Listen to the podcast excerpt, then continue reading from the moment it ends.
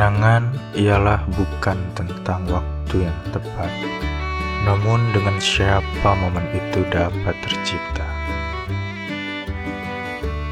Ketika membahas kenangan, perspektif orang biasanya tertuju kepada hal yang membersamai kenangan itu terbentuk.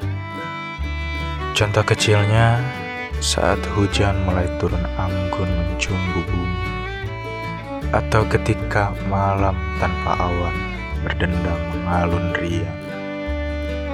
Kita selalu fokus pada hal yang membersamai kenangan bermula, bukan dengan siapa kenangan itu tercipta.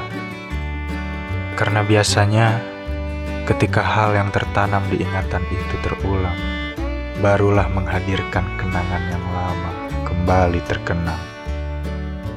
Bingung ya? Begini sketsa sederhananya. Suatu ketika di pagi hari yang cerah saat kehidupan baru akan berjalan dan siulan burung baru satu atau dua ekor terdengar. Aku berjalan begitu hangat dengan seorang perempuan pujaan, membelah jalanan aspal untuk berangkat menuju kampus. Dari cerita tadi, pastinya aku teringat akan momen atau kenangan itu saat merasakan kembali suasana tersebut.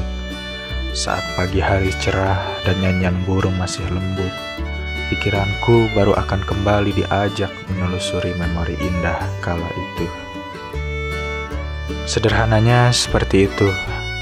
Setiap momen yang kita rangkai dan ukir bersama seseorang yang spesial Selalu saja hal yang membersamai kenangan itu muncul yang akan dikenang. Yang sering kali luput dari kita adalah dengan siapa momen itu dapat tercipta. Ya, karena mau suasananya tetap sama dengan yang kita jalani bersama orang lain.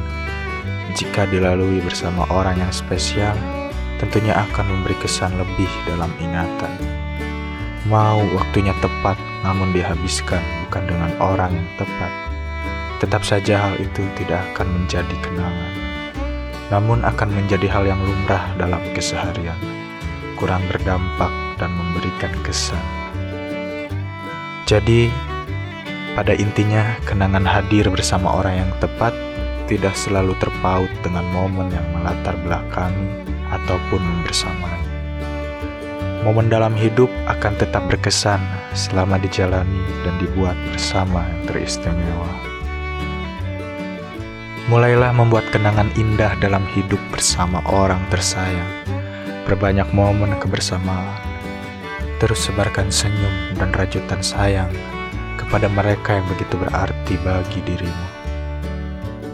Semoga dengan banyak momen dalam hidup bisa sedikit memberikan warna dalam perjalanan kehidupan. Terima kasih telah berkenan mendengarkan podcast Warna Imaji. Tetap warnai imaji kamu. Warna Imaji dengan tulus mengucapkan selamat menunaikan ibadah saum Ramadan 1442 Hijriah. Semoga Allah mengampuni hilap dan menerima segenap amalan, memberkahi juga membersamai.